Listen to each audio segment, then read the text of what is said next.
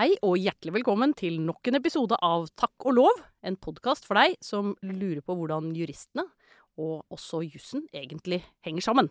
I dag er det vår andre sommerbonusepisode for sesongen. Eh, og i og med at vi hadde studentperspektivet i forrige bonusepisode, så tenkte vi nå kan vi ikke bare fortsette å se fakultetene nedenfra, vi må se dem ovenfra også.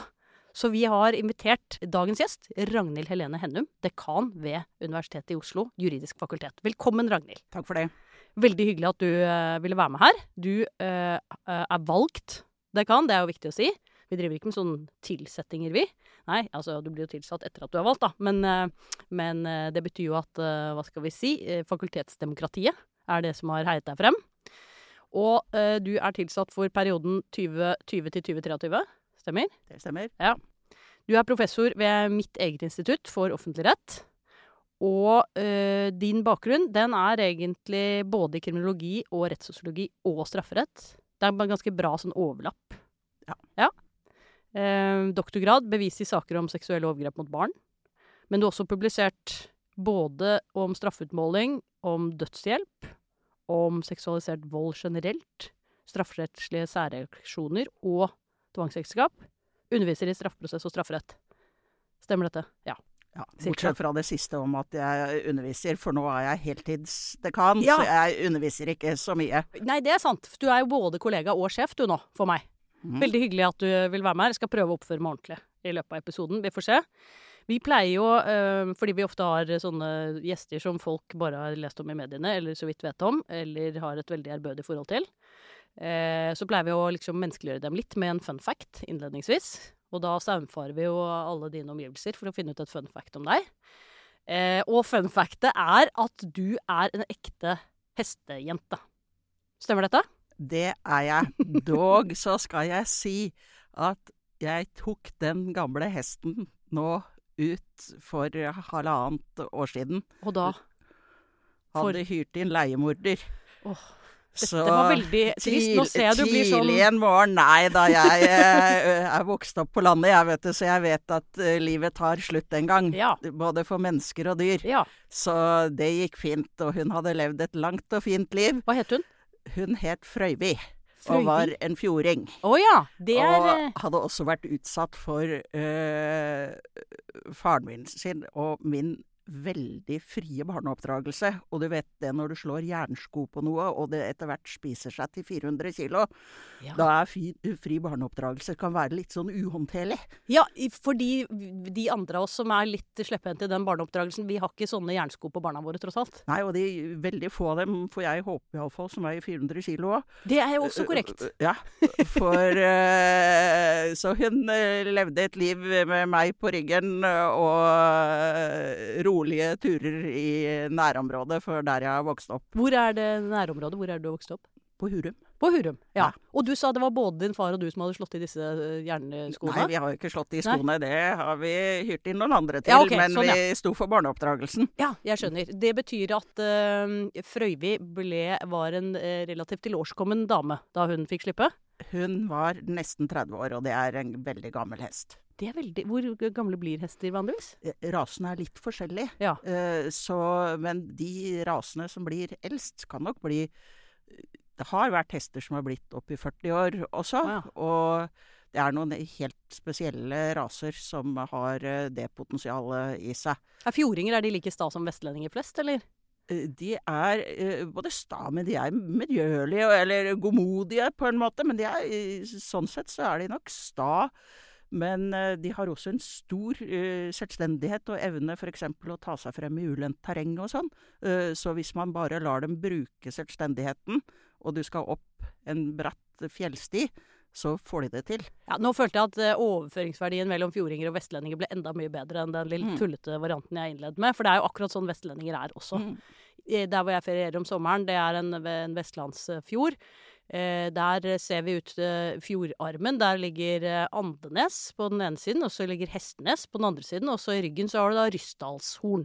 Så disse, hva skal vi si, som kravler oppoverbakke og kommer seg opp og frem i verden. Eh, bra parallell fra fjording til gode jurister fra Vestlandet, får vi si.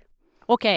Um, vi har invitert deg som sagt for å snakke litt om universitetshverdagen på juridisk fakultet sett ovenfra. Og de av våre lyttere som er ekstra oppmerksomme, de vil jo ha fått med seg at både eh, forrige episode studenter og dagens eh, dekangjest er fra Universitetet i Oslo. Det betyr jo ikke at vi ikke har juridiske fakulteter også andre steder i landet.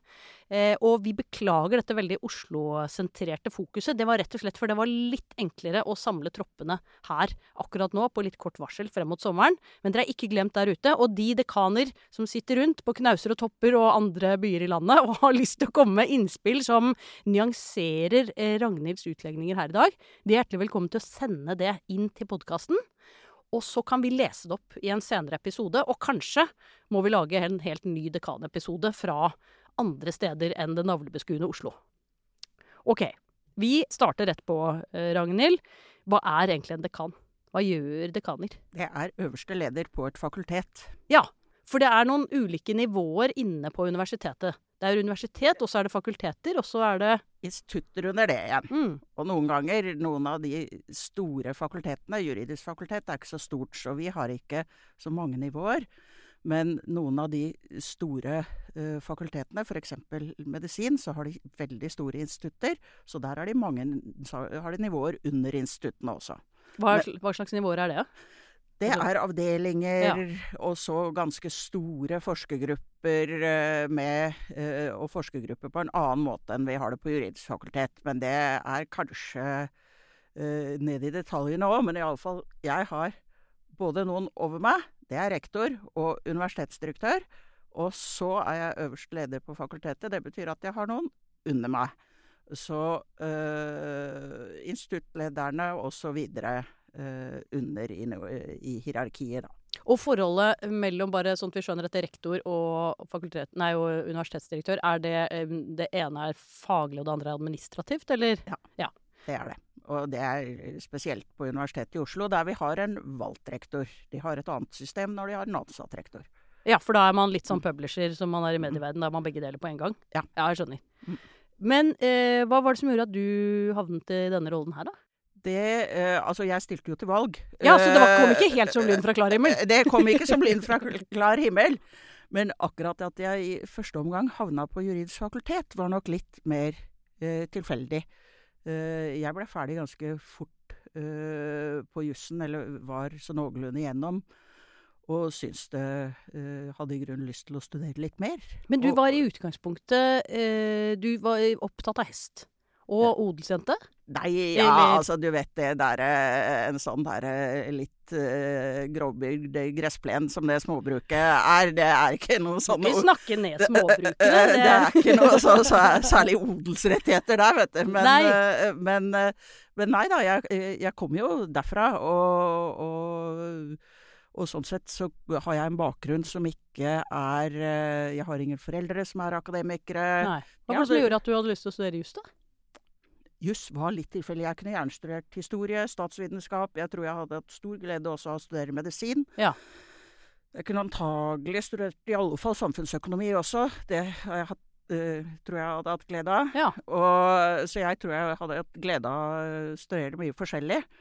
Og tenkte i og for seg på det også. Og så var det litt Jeg hadde en ganske sånn pussig advokat, pensjonert advokat, som rettslærerlærer på ja, gymnaset. Ikke sant. Det er de det lærerne på gymnaset, det er de som er avgjørende. Veldig morsomt. Han hadde veldig mye sånn uh, små fortellinger fra det praktiske rettsliv. Og uh, i tillegg hadde han veldig mye kritt på ryggen, for han glemte bestandig hvor den tavla sto. Så han banka inn i den tavla så krittskyen sto. Men han var jo en artig type. Ja.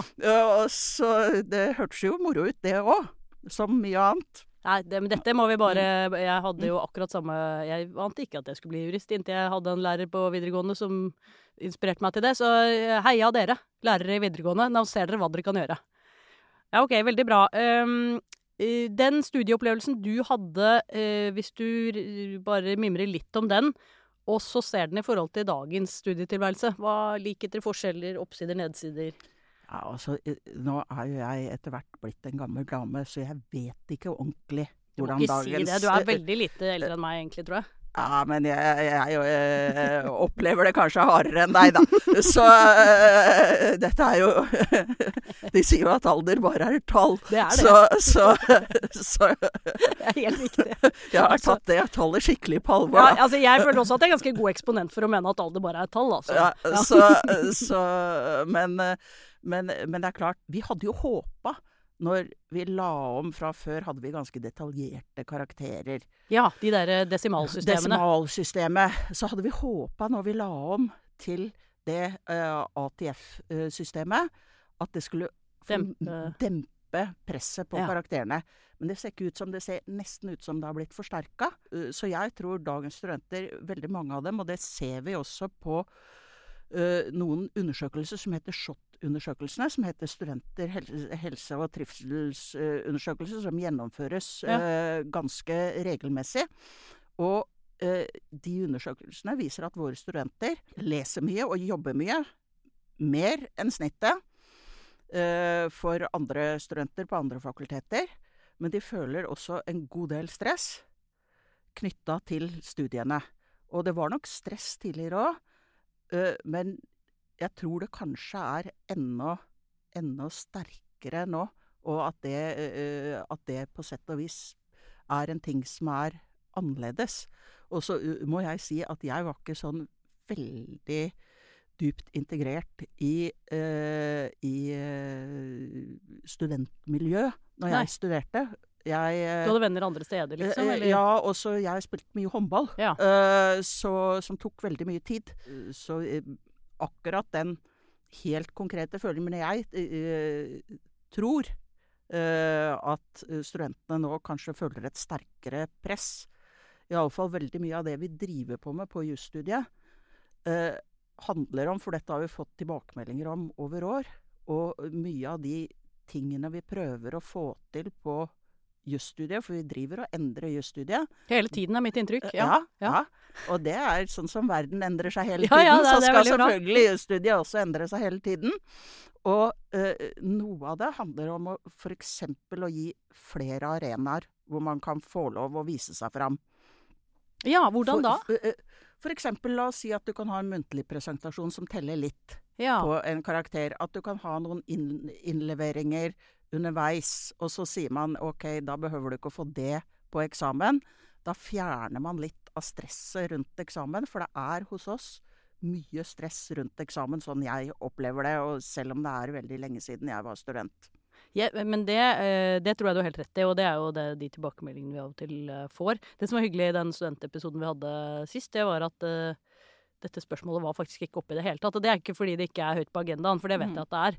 Men eh, det de var opptatt av, var jo egentlig hvor mye positivt det var egentlig med studiet for tiden, som de opplevde ut fra kanskje en Det er mulig at det var fordomsfullt, da, men, men iallfall deres opplevelse av hvordan det var før. Mm. Som, som et mye mer ensomt studium. Mm. At det var, man var mye mer integrert, og dette at det var mer, er mer eh, undervisning, f.eks. Eh, at vi har lagt om fra å ha eksamen en gang i året til å ha eksamen en gang hvert semester. Mm. Ja. Og vi prøver også å gjøre noe med eksamene. Vi prøver å fremme samarbeid. Eh, altså hvis man har en eh, grunnstruktur i kulturen som kanskje fremmer konkurranse, som man gjør eh, gjennom å ha eh, fokus på eksamen, så er det viktig at vi tilfører studieelementer som fremmer samarbeid. For ute i det praktiske liv så samarbeider man mye mer enn man konkurrerer. Ja. Og, eh, Heldigvis. Og, og, heldigvis. Heldigvis. Og mm, derfor er det viktig at vi også trener på det, og trener på å dele kunnskap. Trener på å samarbeide, gjøre løse oppgaver i fellesskap. Og vi prøver å tilføre ulike sånne elementer i studiet for å fremme det som eh, Det var jo eh, hyggelig at studentene har trukket fram det som en positiv ting, og det prøver vi også å fremme. Vi har også fått et flott nytt bygg på Tullinløkka som gir studentene helt andre muligheter til å være sammen, sitte sammen og løse oppgaver. Øh, enn det de byggene vi har som vi ellers, vi som er ansatt, sitter i. øh, hvor det er øh, store, flotte rom som er kjempehøye under taket. Men det er veldig lange ganger Ja, og veldig langt mellom hver student man ser. Ja. Så de lokalene fremmer ikke samarbeid, de fremmer mer arbeid i ensomhet. Også det nye lokalet fremmer samarbeid, også de fysiske omgivelsene. Det du uh, tok opp der, um, det har jeg tenkt på siden jeg var student selv, egentlig. Men kanskje særlig etter at jeg begynte å jobbe som advokat og videre. Um, og også da jeg kom tilbake, for jussen er jo en slags uh, et, en disiplin som faller litt mellom to stoler, eller i hvert fall er, er to ting på en gang. Det er både teoretisk fag, eh, som har en, en slags vitenskapsteori, eh, og så er det et veldig praktisk og praksisnært fag. Og det er jo gjenspeilt gjennom at en del av de som underviser på fakultetet, er praktikere. Eh, eh, selv om det vel har vært en sånn bevegelse mot at man skal ha flere interne krefter til å undervise. Hvordan ser du på den miksen på studiet mellom teori og praksis, eh, og det på å si før og nå, kanskje, men, men eh, også eh, sett opp mot hvor, hvilken verden de studentene vi utdanner, skal ut i? Jeg tenker at det er bra for studentene. For at, nå er det veldig ulik bakgrunn på vi som jobber på fakultetet. Men sånn som jeg har bare jobba på universitetet, da er det en del spørsmål når studentene lurer på ja, hvordan gjør man det? Ja. Og så da har jeg måttet uh, sende en mail eller ringe til noen ja, Ja. og spørre for å få, kunne gi et ordentlig svar. Og eh, det er veldig fint da at vi har noen advokater, noen dommere, eh, noen fra påtalemyndigheten eller hvor de eh, jobber, som kommer inn som har en annen bakgrunn enn den bakgrunnen. Nå er det veldig mange på vårt fakultet som også har vært, sånn som du, advokater, vært, hatt ulike andre stillinger. Men fordi at det er et praktisk rettsliv man skal ut i, så er det innslaget av praksis.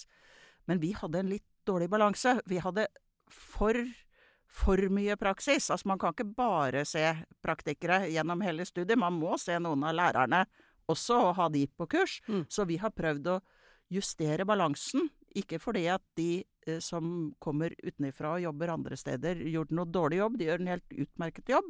Men fordi at det er viktig å beholde den balansen mellom de praktiske innslagene og de mer sånn faglige og teoretiske innslagene i studiet. Jeg har tenkt, eh, for du er jo dekan, og, eh, og det er viktig den rollen fakultetet har for å utdanne studenter. Men vi driver jo også og forsker. Eh, og det har jeg tenkt på når det gjelder oppbygging av forskermassen, altså de vitenskapelige vitenskapelig ansatte. Hvor mye tenkning har man om betydningen av praktisk erfaring i, ved rekruttering til vitenskapelige stillinger? Og, og det er spørsmål én. Og det spørsmål to er burde man kanskje som vitenskapelig ansatt eh, oppfordres til å ta opphold ute i den virkelige verden av og til? Eh, I kortere eller lengre perioder? Ja, det kan være. Jeg tror dette kan være veldig forskjellig. At det kan eh, komme an på fag, det kan komme an på personen. Men at det å ha praksis er ingen ulempe når du blir eh, ansatt hos oss. Du må selvfølgelig ha de andre kvalifikasjonene også. Men eh, fordi at en del har eh, blanda bakgrunn, da, både en mer sånn renere vitenskapelig bakgrunn, men også med praksisinnslag, så er selvfølgelig det noe som folk får med seg også inn i, i eh, de vitenskapelige stillingene, og som det teller som annen erfaring eh, som er eh, verdifull og prisverdig, og verdifull for fakultetet også. Er det uh, i, I gamle dager, holdt jeg på å si, så var jo jussen ganske mannsdominert. Uh, og i de store forretningsjuridiske firmaene så er det fremdeles en stort, stor overvekt av mannlige partnere. Det er flere mannlige enn kvinnelige professorer fremdeles, er det ikke det? Også på juss? Jo, det er så vidt, men vi, vidt, men vi begynner å nærme oss. Vi, vi Ja. er uh, kommet en del nærmere, men det er fremdeles eh, flere menn enn kvinner. Men, men, uh, men studentmassen, hvordan er den sammensatt nå? Kjønnsmessig? Den er uh, noen og 60% kvinner, og resten menn. Ja. Så vidt jeg vet. Så vi har jo en rekruttering inn i stillinger også. Vi har flere stipendiater som er kvinner enn menn. Mhm. Og så, eh, men så blir det færre kvinner. Eh, så vi begynner med et stort overskudd Ja. av kvinner. Og så detter de av underveis? Ja. Ja. Og, og det er jo noe som vi bør tenke på når vi rekrutterer. Vi er også i tillegg så er juridisk fakultet på de ansatte siden. Så har vi nesten ingen ansatte med en annen etnisk bakgrunn enn norsk. Nei. Og det er også eh, veldig ulikt sånn sammensetning av studentmassen vår er. Og definitivt noe vi burde Som vi også jobber med. For du er sånn mangfoldsleder i tillegg. Forklar litt hva det er for noe. Ja, jeg leder noe som heter eh, KIF-komiteen, som er en KIF står for K... Ja, det står kjønnsbalanse i forskning, egentlig. Men nå har den komiteen fått et veldig utvida mandat, så navnet er ikke helt eh, treffende. For det er en komité da for kjønnsbalanse, men også mangfold i eh, universitets- og høyskolesektoren. Altså hvor både universitetene, høyskolene og forskningsinstituttene skal, er representert inn i komiteen. Og det er jo en sånn komité helt uten selvfølgelig makt og myndighet. Det kunne den ikke hatt, for dette er jo autonome, eller altså institusjoner som har bestemmer over seg selv. Ja. Men det komiteen gjør, er å påpeke uh, de forskjellene vi ser. Blant annet dette om hvorfor begynner vi på én måte, og så slutter vi. Vi Mhm. begynner med en ganske breit sammensatt studentgruppe, og så ender vi opp med en ganske smal gruppe. Hvorfor er det sånn? Ligner urovekkende mye på advokatfirmaene, egentlig. For de har vel også det, tror jeg, større rekruttering. Ja. Ja. Men OK, men bør man En ting er at man bør tenke bredere mangfoldsmessig i rekrutteringen inn i stillinger, men eh, men, eh, og det er jo utrolig utvikling på studentmassen. Da jeg studerte, så tror jeg den eneste jeg visste om som hadde en ikke-etnisk norsk bakgrunn, det var Abid Raja. Mm. Um, og ellers så var det blenda hvitt Mhm. hele veien. Nesten. Eh, Nå er jo det veldig endret, heldigvis. Hvordan er den fordelingen nå, vet vi det? Eller det er kanskje ikke lov å måle på sånt? Eh, jo, det kan vi måle på. Og jeg tror altså Hvis du ser, uh, ser i forhold til representasjon i den generelle befolkninga, så ligger vi litt lavere enn det.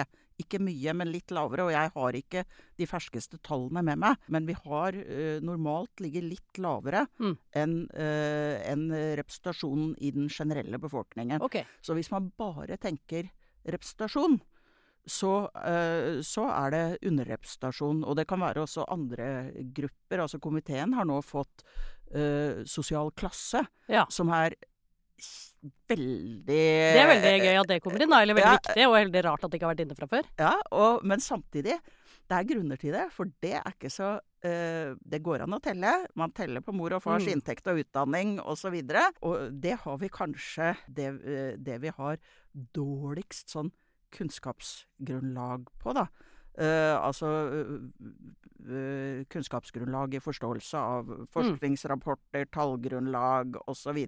Men vi vet at det er sånn, for vi har noen litt sånn store overordna undersøkelser om rekruttering inn i høyere utdanning, så vi vet noe. Er dette generelt i høyere utdanning, eller særlig på jussen? Altså at jusstudenter ikke er representative, det føler jeg er given. Det Eh. trenger vi ikke å tenke. Det er fint hvis de hadde vært det, men det er det, er de jo ikke. Jo, men det er jo mange som studerer juss med ulik bakgrunn også. Det er det, og det kan jo ikke være sånn at man heller skal henge ut de som har foreldre som er jurister. Det er jo fint det hvis de studerer juss.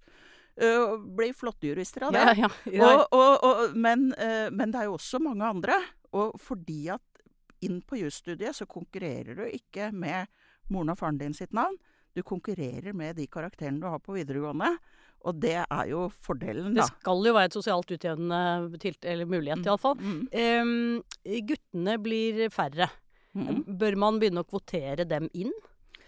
Altså det har man Hvis man ser på sammensetninga i høyere utdanning totalt, så øh, øh, Det er gjort noen fremskrivninger, og de er litt sånn Kanskje noen lineære fremskrivninger, da. Så vi vil ende opp i om åtte-ti år med veldig mange flere kvalifiserte jenter enn gutter. Mm. For man må jo se på hvem som er kvalifisert Ja ja, til det må jo være utgangspunktet, men det er jo Og, så, og, og da vil det på en måte aldri bli nok til å opprettholde gutteprosenten overalt. Det, fordi at det er så mange færre gutter som er kvalifisert i utgangspunktet. Men sånn tenkte man ikke da det var kvinner som var mindre kvalifisert i gamle dager. Gjorde man det da? Hva gjorde man alt man kunne for å løfte dem opp og frem?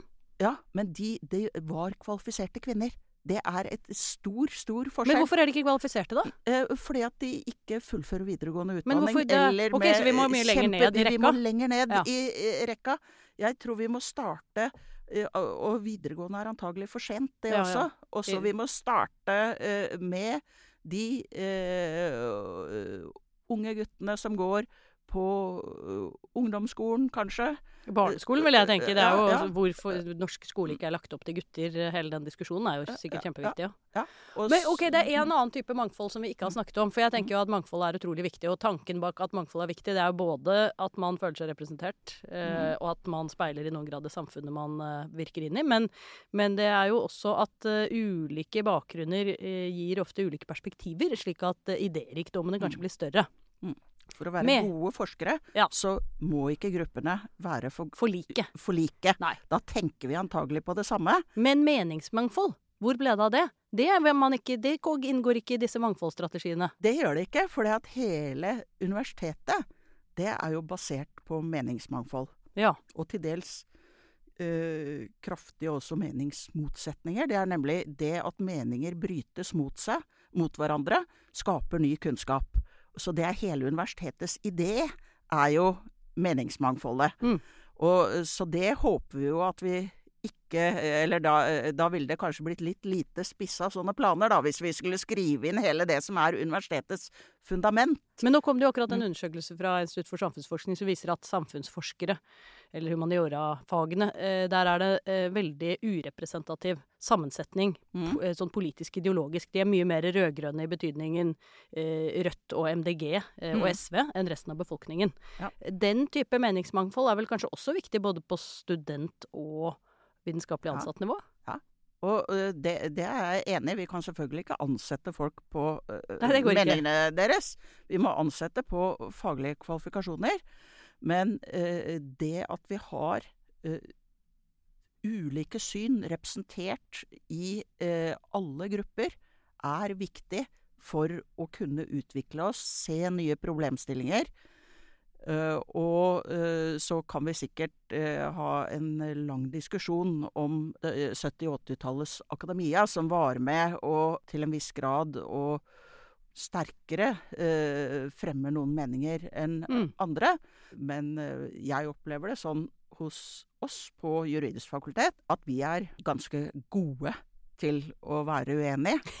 Eh, og, og vi, inntrykk tå, vi tåler ganske mye. Ja, i hvert fall noen av oss. Ja. Eh, apropos det, og em, for den eh, studien jeg, Nå har jo jeg sittet i et sånt utvalg som har sett på akademisk ytringsfrihet på formidlingssiden. Vi har snakket mm. litt om forskning, mest om undervisning, men det tredje oppdraget på fakultetet er jo formidling. Eh, hvordan tenker du om fakultetets eh, bidrag til den offentlige debatt? For det er jo ofte der denne type problemstillinger oppstår, hvor man Mm. må tåle motstand. For den kan jo være forferdelig inne på seminarrommene av og til, eh, eh, og der kan det gå virkelig hardt for seg. Men, men det er vel kanskje særlig når man blir eksponert i den større offentligheten, at, det, at noen av disse den, den utfordringen for de tålegrensene man har, kommer helt på spissen. Ja, nå, nå tror jeg, jeg opplever ikke at våre eh, ansatte har noe spesielt lav uh, toleranseterskel for motstand. Nei. Men det er klart, eh, veldig mange av våre ansatte deltar i den offentlige debatt på ulikt vis. Noen deltar i mye mer sånn fagspissa, sånn som det å lede det utvalget som du eh, gjorde nå. Det er også en form for offentlig Absolutt. samtale. Og sånn bransjenære bransjetidsskrifter, samtaler med ja, mer sånn kollokviebasert uh, innad i fagmiljøene. Ja. Mm. Og, og, uh, og så er det veldig mange som også mener noe offentlig. Altså sånn eh, typisk i form av kronikk eller innlegg i avisen, eller uttaler seg til Mm. avisen. Og det, eh, der ligger jo vårt fakultet ganske høyt, fordi at det vi driver på med, er jo nær samfunnet og livet til folk. Ja. I mot, eh, altså det er, er det folk lurer på. ja, Ja. det er mye vanskeligere kanskje Ja ja, astrofysikk, veldig mange lurer egentlig på det også. Ja, De men, bare kommer eh, ikke på å stille de spørsmålene. Nei, eh, det er vanskeligere å være presis i spørsmålene. Og man vet ikke helt hva man lurer på før man får det fortalt. Men på jussens område så vet folk hva de lurer på. Er det lov? Ja. ja. Er det lov? Ja, og det har jeg også tenkt på som jurist selv, at formidlingsoppdraget ligger jo i det akademiske oppdrag som det er, men, men at man som jurist kanskje har en særlig fordring til å bidra fordi Hele rettsstaten er bygget på ideen om at borgerne skal kunne forutse, forutberegne sin rettsstilling om hva som er rett og galt. Og, og der syns jeg våre ansatte bidrar veldig uh, mye også. Til å svare på spørsmål, blant annet. For å avklare, eh, avklare eh, hva som er gjeldende rett i en del sammenhenger. Og hvis de ikke har tid og svarer at de ikke kan, eller henviser videre, så er det alltid en jusprofessor i Bergen som tar ballen. Ja da. ja. Veldig bra. Og så noen ganger så henviser jeg til noen i Bergen også, hvis jeg tenker at Jeg gjør også ofte det. Jeg tenker av og til at formidlingsoppdraget eh, også, i hvert fall hvis man er litt sånn synlig for mediene, går ut på å, å rute dem til de Ja. riktige kollegaene som kan Ja, dette godt. Og, og vi som kjenner både Bergen og Tromsø og andre steder også, vet hva folk eh, kan og har som spesialområde. Og så få eh, hjulpet den som har et spørsmål, til rett sted, er eh, også en bra ting som vi gjør. Og en bidrag Det er også et uh, riktignok skjult bidrag til at det foregår en ordentlig offentlig samtale. Det er det. Hvor, hva er det det står i Grunnlovens paragraf 100 i sjette ledd? Det påligger statens myndigheter og oss å legge til rette for en åpen og opplyst offentlig samtale. Og det gjør vi også på denne måten. Mm. Vi må gå inn for landing. Dette er så gøy at tiden flyr helt fra meg. Jeg kunne pratet eh, veldig mye lenger om dette. Men eh, vi pleier jo å invitere eh, gjestene våre til å dele en liten historie fra deres liv, og den kan bestå av eh, det ene eller det andre. Eh, Har du hørt? Eh, Hva er det vi burde ha hørt, tenker vi da. Og, og da får vi ofte noen rare anekdoter om det fra retten eller andre steder. Men eh, de eh, har jo ofte sånn happy ending. Men eh, det driver ikke du med. Nei, altså jeg tenkte at eh, jeg kunne fortelle en historie. Den heter 'Ragnhild leser en bok'. Ja, det var den ene gangen? ja. okay. Og, og den har jo ingen lykkelig eh, slutt. Å nei, det gikk dårlig. Ja. Ja. Og- Og så eh, Du eh, har eh, jo helt sikkert hørt om, og kanskje lest også, filosofen eh, Julia Kristeva. Ja. Og så øh, var det, og dette er mange år siden, var det en del snakk om Kristeva. Liksom også øh, en venninne av meg som øh, kunne dette godt, hadde lest det på engelsk. Hun sa nei, det blir litt vanskelig for deg å lese det på engelsk. Uh, og så, men nå har det kommet en oversatt til norsk. Ja. Så da gikk jeg ned på Tronsmo bokhandel og traff en bokhandler som jeg kjenner litt. Og hun sa til meg er du sikker på dette, Ragnhild, at det er noe for deg, dette her? Og så uh, kjøpte, fant denne boken, da, 'Svart sol' av uh, Julia Kristeva. Og så starta jeg å lese. Det var vel muligens et punktum eller noe sånt på de første 50 sidene, men det var jammen ikke mange. Det skjønte du. Det punktumet. Ja, og, men jeg skjønte også, Jeg strei meg gjennom dette her. Det tok timevis. Ja. Eh, 50 sider. Og så tenkte jeg nei, Julia. Du og jeg har et kommunikasjonsproblem. og så Da tenkte jeg nå ringer nok Julia til meg snart. For å si hva hun egentlig mente. Ja. For hun ville jo snakke med meg. Ombart. Ja, Ja. Men hun bare snakka så rart at det var helt umulig å forstå. Har dere kommet på mer på talefot senere, eller? Eh, vi har ikke Jeg går i litt sånn den boka står i bokhylla mi.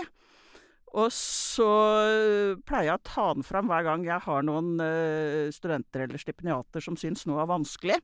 Og, og så eh, For øvrig så går jeg i en liten sånn ring utenom for ikke å komme på den viltre ideen det vil være å ta fram den boken igjen. Det er fint. Så så når studentene kommer og syns at noe er vanskelig, så er det, dette er din eh, Crocodile Dundee 'This is a knife moment'. Så da Ja. tar du frem den boka. Dette er vanskelig. Ja. ok. Veldig bra. Tusen takk skal du ha, Ragnhild. Det, var en, eh, det er en bra historie. Den, eh, den boken tror jeg kanskje jeg lar være å lese, hvis det er greit. Vi må si tusen takk eh, for i dag. Tusen takk for at du var med. Veldig hyggelig, glad for det. Redaksjonen i Juridika og Juss og jeg, vi takker for uh, følget og for en fantastisk sesong. Og så sier vi på gjenhør i nok en ny sesong, som det faktisk blir til høsten. Vi ønsker alle lyttere en riktig god sommer. Takk og lov for det. Og da er det over til reklamen. For Takk og lov er jo altså en podkast som jeg får lov å lage sammen med Juridika og Juristenes Utdanningssenter. Uten dem så hadde det ikke blitt noe pod. Og det de gjerne vil ha i gjengjeld, det er jo bare at dere skal abonnere på tjenesten deres digitalt. Og det er ikke så dumt. For da får dere veldig enkelt og fleksibel tilgang til et stort juridisk bibliotek og til levende juss. Med juridiske fagbøker, ajourførte blå lovkommentarer og nyheter i Juridika og universitetsforlaget er relevant juslitteratur som er oppdatert og nedlastbar. Og juss, da, hva gjør de? Jo, med abonnementet Juss Digital fra Juristenes utdanningssenter så får du tilgang til over 400 timer med etterutdanning, og det vet du, det trenger du. Hvis du kombinerer disse to, så får du jo lett de to mest effektive abonnementene for juslitteratur og etterutdanning for jurister.